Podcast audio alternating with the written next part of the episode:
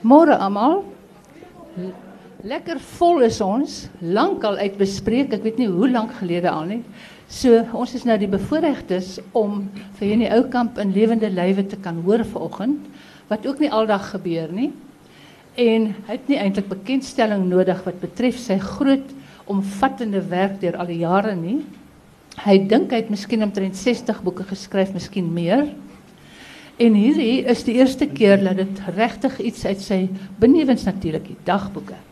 Regtig iets is wat uit sy binnekamer uitkom waar hy vir sy vriende uh uit die hart uit sit en skryf het. So hy's nogal blootgestel dink ek nee nie, bietjie blootgestel. Wel, ek het myself die keer blootgestel. En dit en, en dit is vir almal 'n baie groot voorreg om binne in sy kop te kan sien op 'n privaat vlak, nie as 'n kortverhaal of 'n kabaretskrywer nie, maar hoe sy binnewerking is wat betref skryf.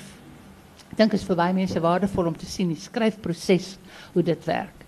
Maar ek is net hier om welkom te sê en baie dankie Daniel Hugo, ou vriend van Henny. En hulle praat dieselfde taal en ek dink dit gaan baie lekker wees. So baie welkom en dankie.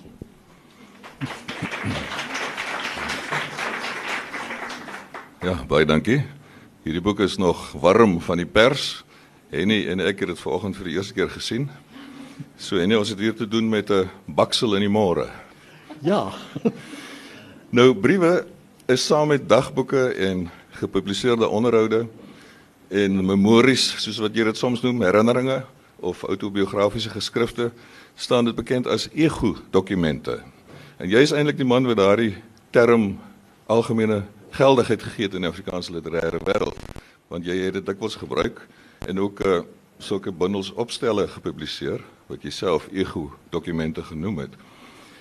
So dit dit lyk dus asof 'n skrywer se oeuvre veel meer behels as net die die streng literêre genres soos kortverhaal en kabaret en liriek ensovoorts. Ja, ek dink inderdaad so Daniel. Ek het daarom nie die term ego-dokumente gemunt nie. Ek het dit gekry van uh Elise van Vuren en van Lina Spies wat ek hier spesiaal Holland toe is om meer uit te vind want eintlik het die term ego-dokument in Holland sy herkoms uh van Presser uh wat die oorlog oorleef het en wat ja baie bekend geraak het vir sy geskrifte oor die Hollanders wat oorleef het tydens die jongste wêreldoorlog.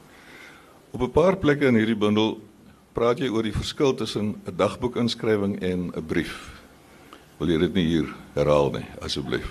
Miskien verskil ek nou heeltemal van myself, maar in ieder geval dink ek dat uh die brief is tog 'n lastigheid want jy verander van instelling. Soos jy skryf, jy is nie helder bewus daarvan nie. Dink jy aan een persoon, aan die stem, aan waarvan hy of sy hou, en sodat jy nie heeltemal gelykwaardig is of een brief gelykwaardig is aan 'n ander nie. Jy pas aan by 'n gehoor. En as jy 'n dagboek skryf, dan dink ek is jy op meer bepaald op 'n uh, een mens ingestel, ontvanger, 'n va ontvanger van. Betrofne het nou gesê dat jy jouself besonder blootstel met hierdie briewe. Moes jy sensureer? Nee, ek sensureer eintlik nooit nie. Ook ja. Nee eerlikwaar nie uh, betroffene het daar bedenkinge gehad en iets wat gesê het in 'n brief aan MC Botha. Maar ek noem dit toe vir MC toe sê nee, ek wil inwees. Uh, noem my 'n ere gay of iets van die aard. en van daar ja sekere uitdrukkings wat daar in die briewe kom uh ek dink dit is waarby dit kom. Ja. Van MC Botha gepraat. Die briewe gaan daar meestal oor die skryf van kortverhale. Ja, uh alhoewel die liedteks ook daar 'n ja. rol speel daar is hele wat liedtekste wat nog nooit eers gehoor is nie, is wel opgeneem in die bundel. Uh jou naam verskyn ook daar by Lyflied. Ek wens dit toevallig regmaak want hy was nog nie kursief nie. Ek groot aan die kant geskryf kursief. Uh maar oorwegend ja. oorskryf, ja. Ja, ja want uh Ergens in die boek sê jy dat jy is wesentlik 'n opvoedkundige. Ek dink dit is toe jy Elise Botha bedank het vir die eredoktorsgraad, sy het die kommendasie gelewer hier by Stellenbosch, dit was in 1999. So jy's in wese 'n opvoedkundige of 'n opvoeder en daarmee saam hang jou rol as mentor vir skrywers en MC Botha was dan een van jou akolite. Noem dit so, alhoewel ek ook baie van MC geleer het. Mense vergeet hoeveel uh, die rolle wissel. Die mentor is nie heeltyd mentor nie, hy word ook 'n disipel weer van die persoon wat hy opgelei het. Uh, ek vind dit vreeslik interessant dat die rol hoe die dinge verander met die jare. Hoe dit ek nou by David Peppler dinge leer of by Johan de Lange uh wat ek nie weet nie. Hulle vertel vir my van hoe die dinge nou werk, hoe dit behoort te werk en so weer. Ja, maar hulle die uh, voordeel van toegang tot Google want jy het nie 'n rekenaar Ek het nie 'n rekenaar nie.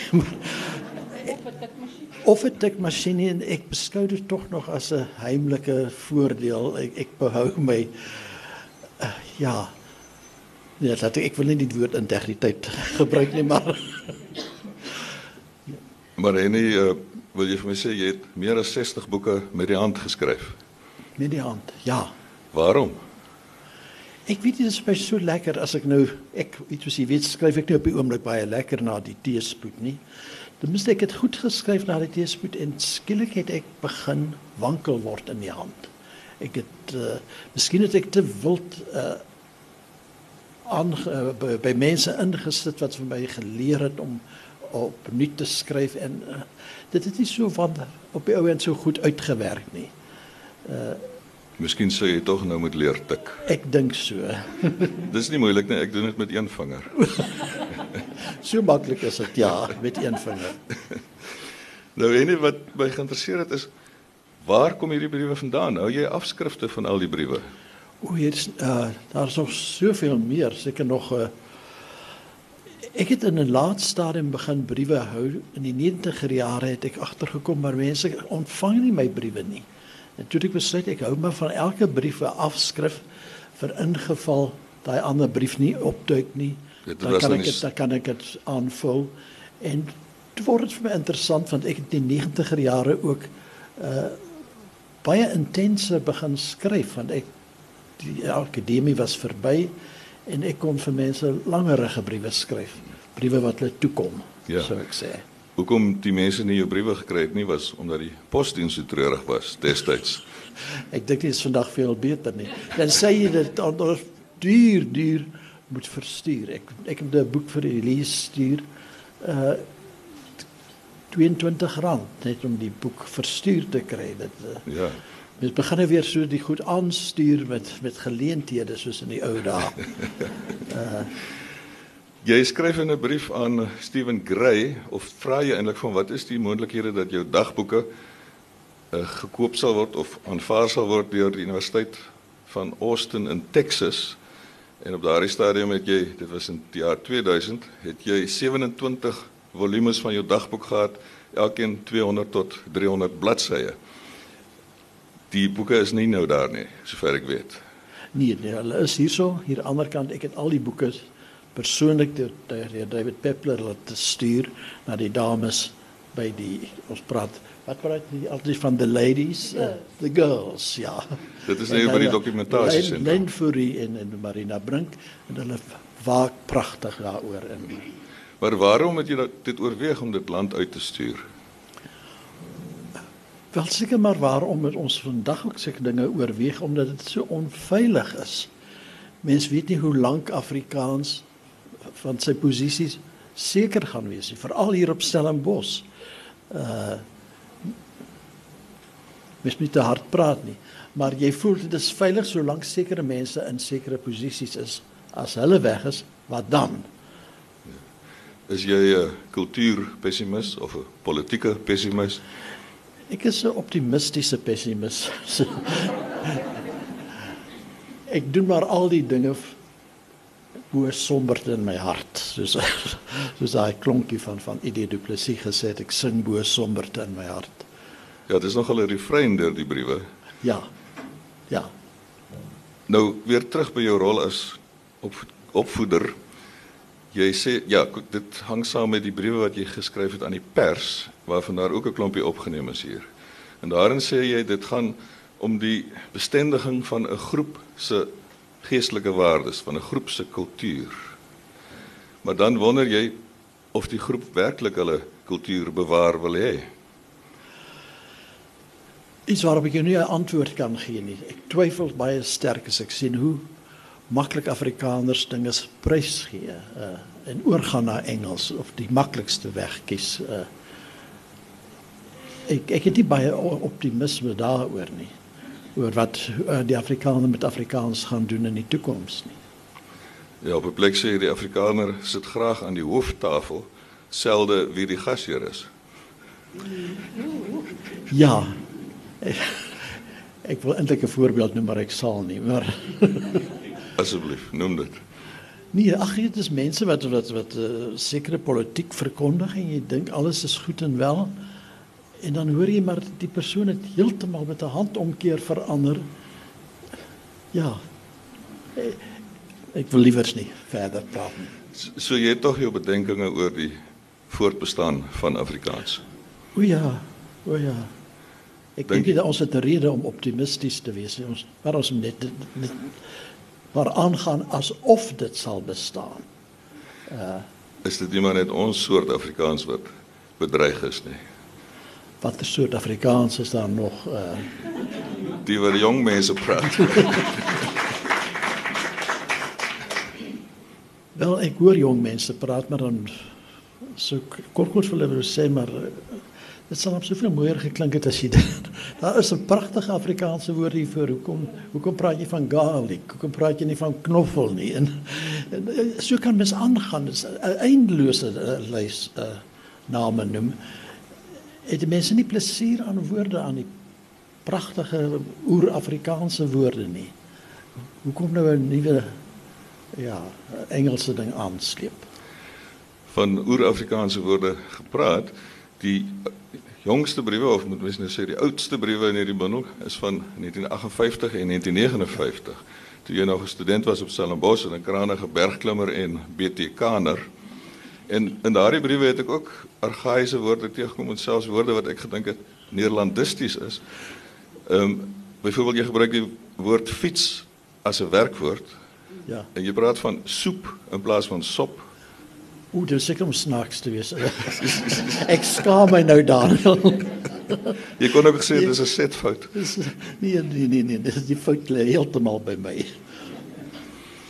Want in jou uh, veral in jou gedigte wat ek nou redelik goed ken, gemaak jy dikwels gebruik van neerlandismes, Nederlandse uitdrukkings en woorde.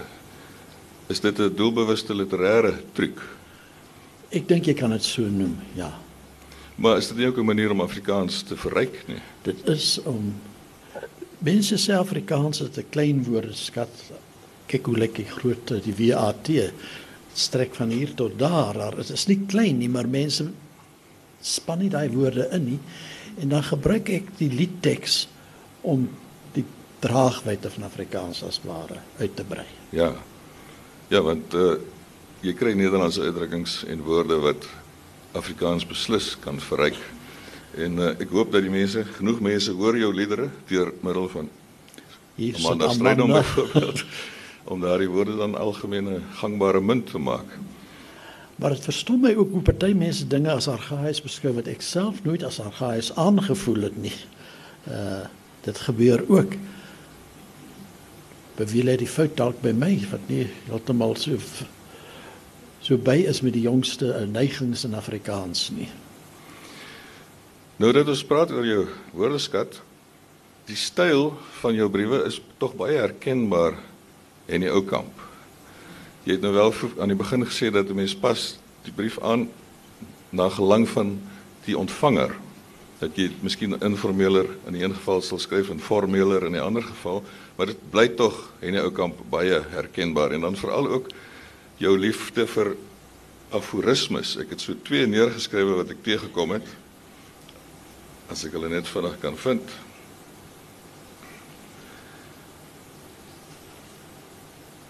Ja. Waar is hulle nou?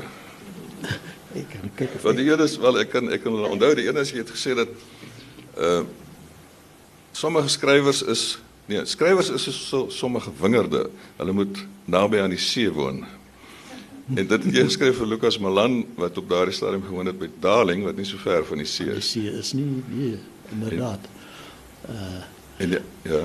Ek het baie aforismes, maar ek weet nie ek ek deel hulle so uit s- soos soos konfetti of wat ook al en beland hier en partykeer beland dit nêrens nie. Maar jy het tog wel 'n bundel aforismes. Daar is aforismes in watter bundel is dit uh nie koerier nie, dit is uh blou uur. Die blou uur Ja. is daar ook uh, ja. Maar ek sou 'n hele bundel kon vul met aforismes en Dit kom van self. Dit kom van self. Kom nie van self nie. My ouma en my ma het altyd so in aforismes gepraat en ek het seker by hulle die nik ontwikkel. Vir hulle eers nageboots en later self begin aforismes praat. Uh, die Stormbergers is uh, nogal geneig om ook Bybelse aforismes te gebruik en veral uh, laasgenoemde het my baie beïnvloed. Bybelse aforismes. Ja. Die ander een wat ek kan onthou is jy het gesê dit is uh lamptyd by die skrywers in die Boland. Hulle die een na die ander kry 'n boek. Ja. ja, ek het dit ook gelees. Bietjie geskaam. Maar En ek miskien moet ons net dan vertel wat alles te vind is in hierdie boek. Dit begin met 'n voorwoord deur die samesteller Petrofna. En dan is daar 'n lang stuk 'n bibliobiografiese beskrywing van jou en jou werk deur Erika Terblanche. Ja, Erika kan nie genoeg geloof word nie, wil ek daarom onmiddellik sê. Sy het van 'n hele klomp mense profile gemaak en is baie baie deeglik. Dis die profile op Litnet. Dit net. Ja. En dan kom die briewe van 1958 tot waar trek dit onlangs 2011 of so ja. Ja. Daar agterin is 'n uitgebreide register. Dis natuurlik ook 'n soort verkoopsmiddel. As jy jou naam daar sien, koop jy beslis die boek. Ek hoop die mense hoor dit. En dan is daar dan is daar twee seksies met baie interessante fotos van jou as klein kind met jou ouers tot heel onlangs.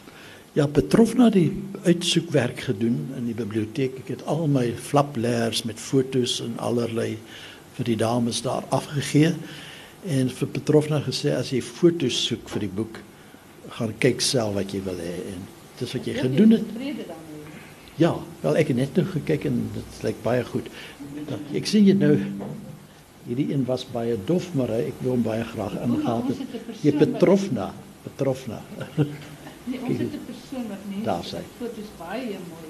Ook Petronella. Petronella, ja. Nan van Dit is Heerden. baie mooi. Ja. Daar's 'n paar korrespondente in die boek wat 'n hele aantal briewe van jou gekry het. Ek neem aan dis mense aan wie jy gereeld geskryf het. Die een was natuurlik Elise Botha. Ja. Dit was nogal 'n langdurige uh korrespondensie wat baie lank aangehou het, kort so 'n jaar of twee voor die voor uh haar einde. Maar jy daar's ook mense wat nie hulle briewe hoe wat hoe genaamd geweier het dat hulle genoem word in die bo- boek. Stefan Bouwer, 'n baie goeie vriend was net baie adamant gesê wat ons jy vir my geskryf het, is privaat en ek deel dit met niemand nie. En ek weet nie of daai briewe nog bestaan nie, maar ek weet nie dit Dit verhoog natuurlik die waarde van die briewe as hulle nie gepubliseer is nie. Miskien ook. Maar die, die boek is dus nie so volledig as wat 'n mens sou wou hê nie en baie van die mense met wie jy daagliks verkeer uh jy skryf nie aan die nie tensy jy nou e-pos maar ek vind e ja, e-pos is 'n ander stuk waaroor 'n mens iets kan sê, maar ek vind dat mense nie meer geheime het van dat daar e-pos is nie. Ek het vanoggend havermout geëet. Ek het vandag ek het my verstand tand laat uittrek is bloody seer. En so en so gaan dit aan, dit raak tog 'n bietjie vervelig. Maar ek moet sê dat e-pos tog mense weer teruggebring het na skryf. Mense skryf tog weer briewe. Hulle skryf weer briewe, maar dink jy daar sal 'n dag kom dat hulle die e-pos as 'n essay sien? Dat hulle mooi nadenkend gaan sit, 'n deurlopende argument voer, uh, paragraaf oordoen en oormaak tot die woorde lekker lekker reg lê teen mekaar. Uh, ek sien nie so 'n dag kom nie. Ek sien 'n vlotheid kom en 'n uh, vlotheid wat baie lekker kan wees, maar dit kan nie tot duur dit is dit uh, dit werk duursaamheid te blywendheid te. En dit sien ek nie kom met e-pos nie. Ja, daar is dan ook iets soos 'n blog waar mense dan nou uitvoeriger stukke skryf. Ja. Jy doen dit wat jy nou beskryf het daar in jou briewe beslis. Ek het 'n paar keer briewe van jou ontvang en dan is daar woorde uitgetipeks en oorgeskryf. Ja. So ek mens kan die korreksies sien daar. Ja. Dit is eintlik 'n soort Palm 6 wat by mense aankom. Ek hoop nog leesbaar, maar uh, ja.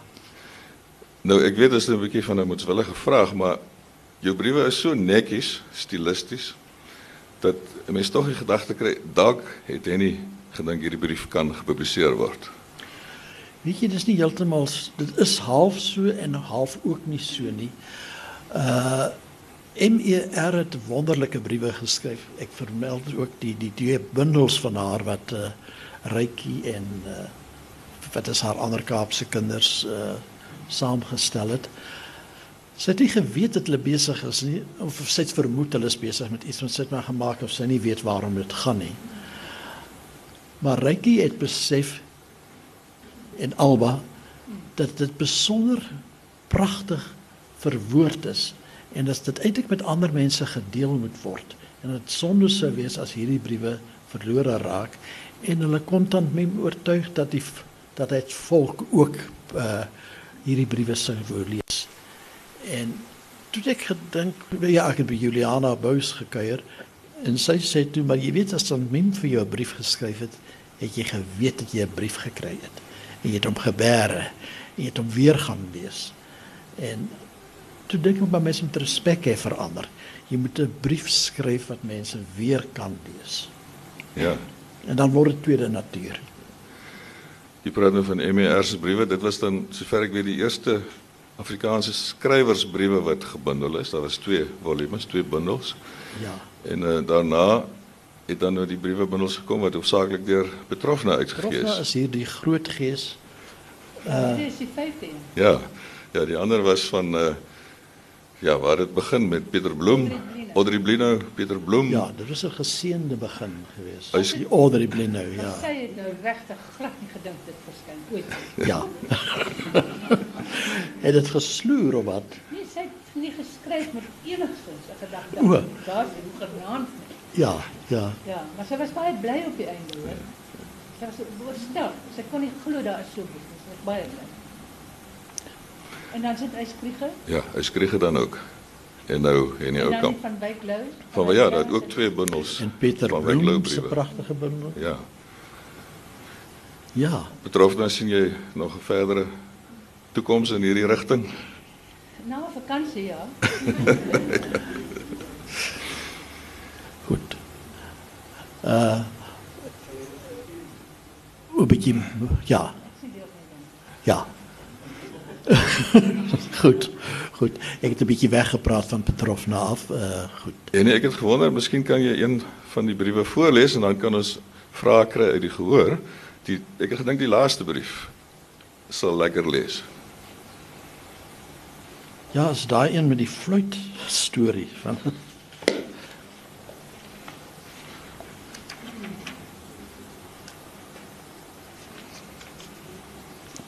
Ja, dis 'n brief van Abraham de Vries. Abraham de Vries. Ek het heel wat briewe aan Braam geskryf.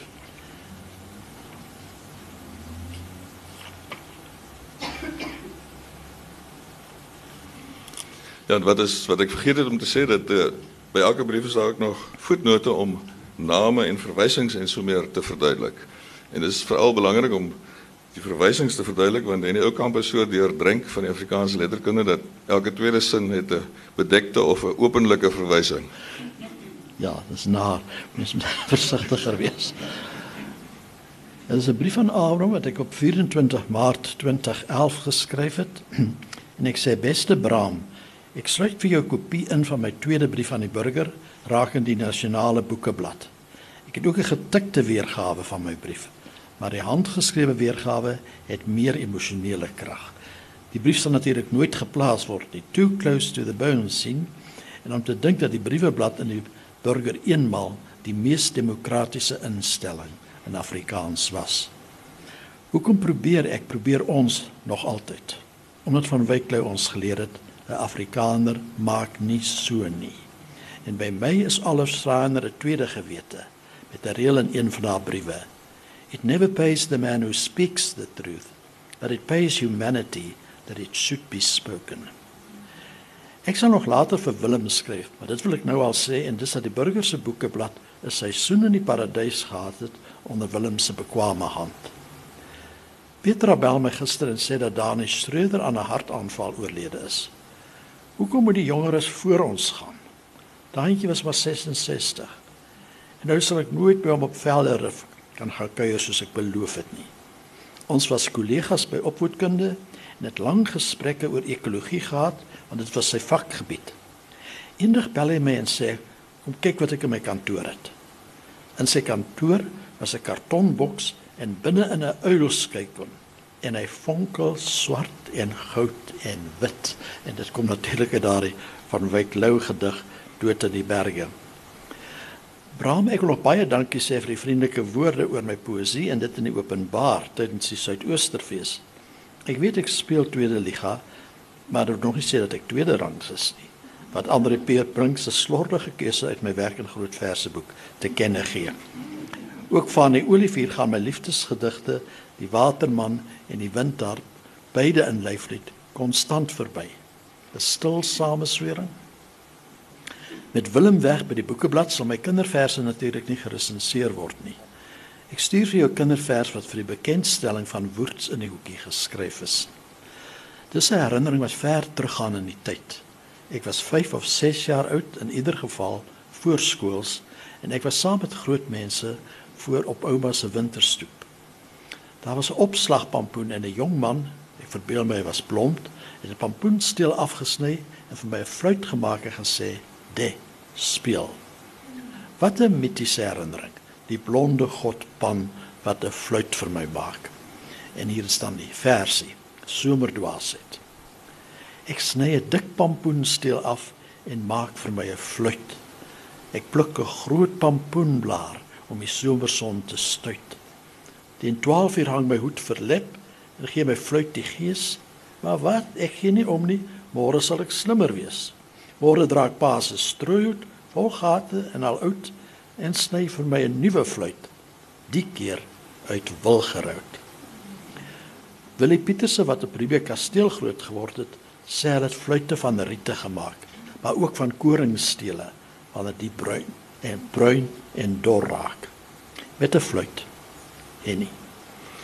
En so eindig die bundel dan. Fluit fluit, sy storie is uit.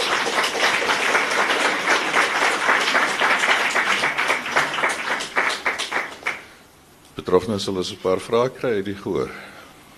Ja, ek is seker daar's 'n paar vrae. Seker daar's 'n paar vrae. Ek kan net sê dat die Willem na wie verwys word is Willem de Vries wat destyds boeke redakteur van die Burger was en hy sit hier reg voor.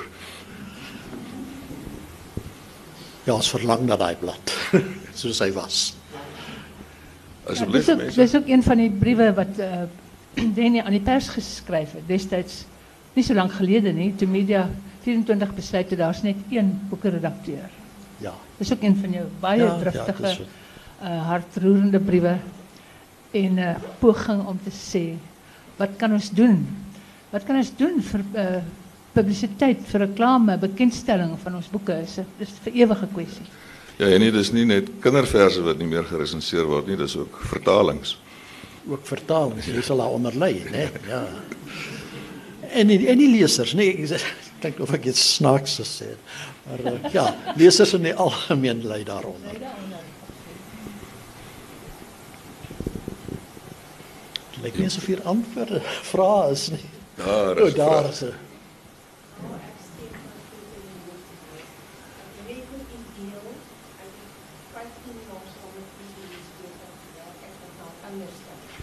ja. Ja.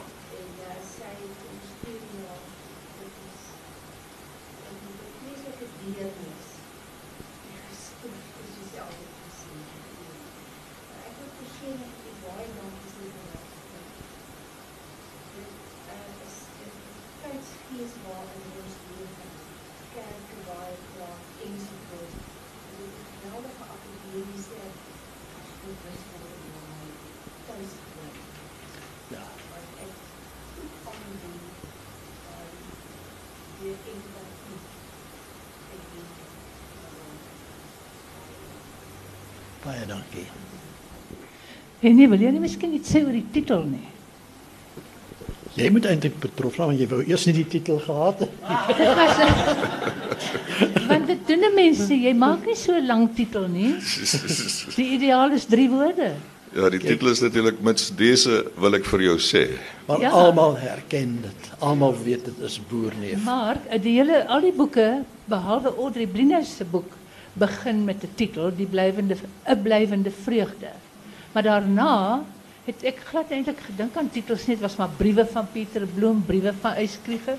En hier is ons besig met briewe van Henny Oukamp en Elise van Vuren is die een wat my gesê het, dit doen jy nie. Luister nou net vir my. Geef hom daai titel wat Henny self in die een brief noem. Lang gelede, dit was seker in 96. Dit is iewers in een van die Ja, briewe. het hy nie gesê, dis die titel wat hy graag sou wou hê. Hierdie spesifiek mits dese wil ek vir jou sê. En Elise en ek sê te haar, ek kan dit glad nie doen nie. Dis heeltemal teen die uitgewers uh, reëls. 'n Titel is nie so lank nie. Elise raak so ongeduldig, sy sê Petrofna, bly stil, doen dit net. Sy doen ek dit en ek dink is lieflik. Ja, ek is baie baie gelukkig dat hier staan en dit lê ook 'n band terug na Boerneef wat so baie vir ons almal beteken het. En nou nog, vreemd hoe liewer mens hoe uh, verder jy van Boerneef af is, hoe liewer raak jy vir hom. Want hy het Maar die maar ek geweet. ek dink nie, ek dink voor daar's daar's min mense wat nie dit herken waar dit vandaan kom nie. Ja, Daar's min mense. nou ja. Nog vrae asseblief? Almal wag op iemand agter hulle wat met 'n vraag sit. Van die uh, titel gepraat. Uh, betroffene is reg dit 1996 het dit eerste keer ter sprake gekom in 'n brief aan Johan de Lange want Johan de Lange was toe van plan om 'n versameling van jou briewe uit te gee. Wat het van die plan dan toe geword? O, oh, dis goed dat jy dit noem. Ja. Johannes moet genoem word met eer en met respekte want hy het die hele ding begin hier in die 90er jare en hy het ek het hom 'n lys gegee van mense wat briewe van my gekry het en uh hy het baie wyd geskryf en gelees en wat ook al en toe kon gaan die briewe inkom Party het al klaar fotokopieë gemaak, party het gesê "S- maak 'n kopie en stuur vir my terug of hoe ook al. En ons het gedink dit sal maklik wees. Maar dit was nie, want toe kom die vou, die begin die boek vou. Die boek Beautiful die boek is nie meer gewild nie. Uh populêre boek het al sterker na vore gekom en uh ek het gedink die boek is tot dis tot siens aan die boek. Tot betroffene se reeks eh, begin het. En hier dink ek moet ons praat van die era van John Kannemeyer. Eh, Ons niemand het nog John Kannemeyer genoem nie en John Kannemeyer is verskriklik belangrik vir die Afrikaanse letterkunde. En hy het begin uh van die briewe wat hier in die biblioteek is in Stellenbosch, het hy begin met studente deurwerk en hy het 'n kursus aangebied in boekhanteer, briefhanteer. Edisiewetenskap. Edisiewetenskap is die woord, ja. Maar ek weet hoekom jy kyk die eerste boek het 'n titel gehad. En toe kom John se boeke en John se boeke was akademies. Ja, dit was ook 'n bietjie 'n kwessie as ek dit mag noem. Nie 'n kwessie nie, maar 'n besluit om te neem met Henny se briewe want John se manier van werk was absoluut akademies en ehm um, wat is die woord wat hulle gebruik hier nie vir faksimilie is die woord weergawe. Met ander woorde, die oorspronklike brief Faksimilie, word ja. net so geplaas foute en al want wie maak nie foute nie. En dan is die met die voetnoot verduidelik. Hy het pylvak geskryf, maar ek bedoel vuilpak of wat? Om andersom. en hier is die voetnoot. En toe ons by Henny se briewe kom en Dani Botha doen die eerste redigering, toe sê hy vir my ons moet 'n besluit neem watter kant toe. Gaan ons nou John se manier en as Henny 'n 'n woord op verskillende maniere spel wat hy byvoorbeeld doen, hy maar amper so speel. Memorie uh Ja, maar memoir, wat 'n jy woordeboek weet. ek voor Ja, maar jy voor weet my jy voel gehad het. oor die tydperk van soveel jare kan ja. jy een woord Ja, op 'n paar natuurlijk, maniere gebruik. natuurlijk. En toe het ek en Dani nou 'n bietjie gesukkel om tot 'n vergelyk te kom want hy sê toe faksimilie. Maar dan sien ek hy sit 'n dingetjie in wanneer Henny praat van gay litnet. Hy het mos nie rekenaar en goed nie. Hy hy sê gay litnet, maar die korrekte ding is gay aapster litnet. Dan sit daar nie die aapsterte. En toe kom dit dat eintlik is dit baie makliker vir die leser. As 'n mens nou nie met daai woord in 'n voetnoot oor sulke goed nie. Dis nie belangrik genoeg nie. Kom ons lees die boek makliker. So ons het weggestap van John se akademiese manier. Ek weet nie of dit ooit weer sal kom in Afrikaans John se manier nie. Maar dit was erg akademies. Ek meen hy het vir die van Wyk Lou briewe het ek hy dink ek het hy 11 of 12 studente gehad wat vir 6 maande lank sit 'n voetnoot te doen. Was seker nie baie flikse studente nie. ek sê. In se geval het ons gevoel, kom ons sit net voetnote waar regtig nodig. Ons gaan nie in diepste letterkundige as daar staan um, Simon Signoret. Uh dan gaan ons mos nou nie verduidelik wie sy is nie. Die lesers weet mos. Maar dit is moeilik, dis dis die hele tyd te besluit wat Ja. verduidelik jy en wat nie. Ja. So ek hoop maar die resultaat is op die ou ende goed en daar is hier en daar 'n uh, woord wat Henny gebruik wat miskien uh, soos book beautiful kom hierin. Gaan jy dit nou in aanhalingstekens sit? Gaan jy dit kursief sit? Gaan jy nou die aksent daarop sit as 'n Engels? Dit is baie sulke besluite. ja. Ja, jy weet, en die hele idee was om dit lekker vloeiend leesbaar te maak. Dit was die doel. Kan ek 'n voorbeeld gee van so 'n voetnoot want Henny het meegewerk aan die voetnote. Ja. En een voorbeeld van 'n voetnoot is by 'n brief wat hy geskryf het aan die burger en dit gaan oor mo moedertaal verontrechting. Dan sê Henny se eie voetnoot daaronder: "Waarom skryf ek aan die pers? Omdat ek in die nag wakker gemaak word deur 'n stem en ek uit die Bybel weet dat jy jou nagtelike stemme nie durf ignoreer nie." Ek staan op, meestal om 3 uur in die nag en skryf 'n brief aan die pers. In hierdie geval oor moedertaalverontrechting in die nuwe Suid-Afrika en 'n nuwe angliseringsbeleid wat die vroeë Engelse bewindhebbers aan die Kaap na amateurs laat lyk. Ag, dankie. Lekker om dit te hoor. Ja, ekskuus, ek wil net net iets byvoeg. Uh die feit dat Henny sy eie persoonlike aantekeninge bysit is ook 'n afwyking van die ander brieweboeke en 'n aanwins natuurlik, maar die ander mense was nie beskikbaar nie uit die aard van die saak. Kriege en Bloemen, die van Wyk Lou en WG was nie daar nie. En dit is baie uh dis my regtige bonus dat jy 'n voetnoot kry waar Henny self verduidelik dit en dat dit nie slag gebeur. Toe ek die briewe neem vir die uh, biblioteek, toe dink ek maar hier is dinge wat hulle nie sal weet nie. Ekskuus, Ek nee, jy moet dit- 'n ek bietjie moet- die mikrofoon. Uh, ja. Uh en toe het ek by, by dergelike voorbeelde het ek met rooi potlood of rooi ink of wat ook al 'n uh, verklaring geskryf. Maar daar was amper 'n ding geweest dat hulle die verklaring as deel van die brief gesien het en dit moes verwyder word. Uh so, kan ook te slim wees. Nog vrae asseblief. Vraag uh. wil ek iets sê wat vir my altyd so kosbaar is van meester se briewe is die tippings. Ja. Dit wys vir my dat die skrywer gedink het terwyl daardie brief aan my en my alleen gerig is, is sy woorde beweeg het. Soms is daar 'n plakkertjie oor. En dan het hy en hy probeer soms ontsyfer wat is onder die plakkertjie. Maar die Ja. regte woorde kom uiteraard by my uit. Dit is die deeglikheid van hierdie en ek is so dankbaar dat hierdie ek almal van ons is dat hierdie boek gepubliseer is terwyl hierdie met ons is. Dis kosbaar. Henny wou aanvanklik die boek postuum gehad het. Ek kan nie onthou hoekom. O, ja.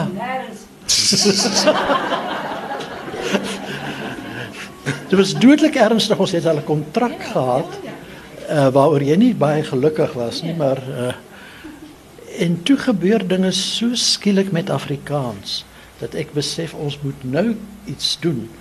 Uh as ons wag 'n jaar of twee, ja, sal daar nog iemand wees wat 'n bundel wil koop.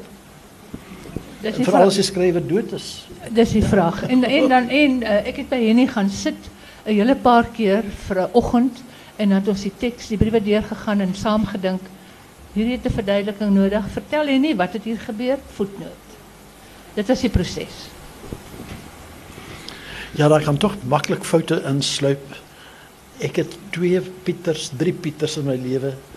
Twee Waanaars, drie Waanaars Henny moenie 'n fout maak nie. en en twee Rinas. Rina Botha die aktrise en Rina my suster.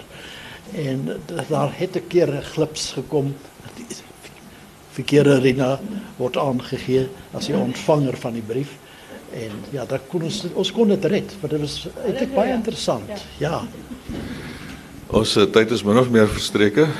En nie miskien 'n laaste woord van jou. Dis dis nou 'n ou triek van 'n radioman is 'n laaste woord. Ja, nee, maar ek wil net baie dankie sê vir almal wat soveel moeite gedoen het met hierdie brief beginnende by Petrofna hier as die uitgewer. Sy het nou stadig aan begin bekend raak as die uitgewer van briefbundels. Wat gaan nou gebeur? 'n Laaste vraag aan jou. Vakansie. Is al, Ja, nee, dit outomaties, outomaties maar na die vakansie.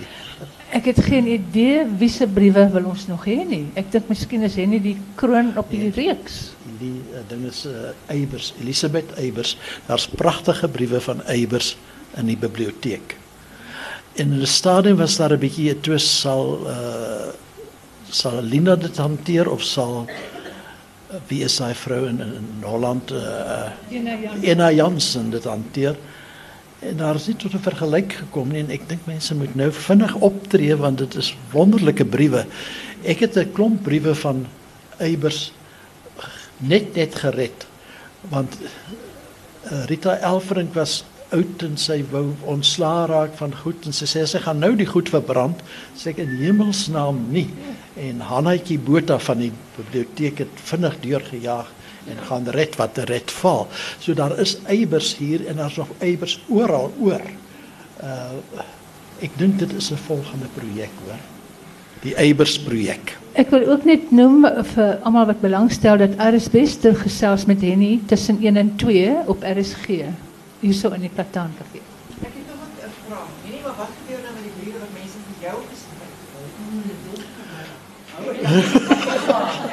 Nou is ek voorberei. ek sou glad nie geweet het wat om te sê nie. Baie dankie Henny. Baie dankie Petrofna en baie dankie vir die gehoor. Die boek is te koop hier. Baie dankie.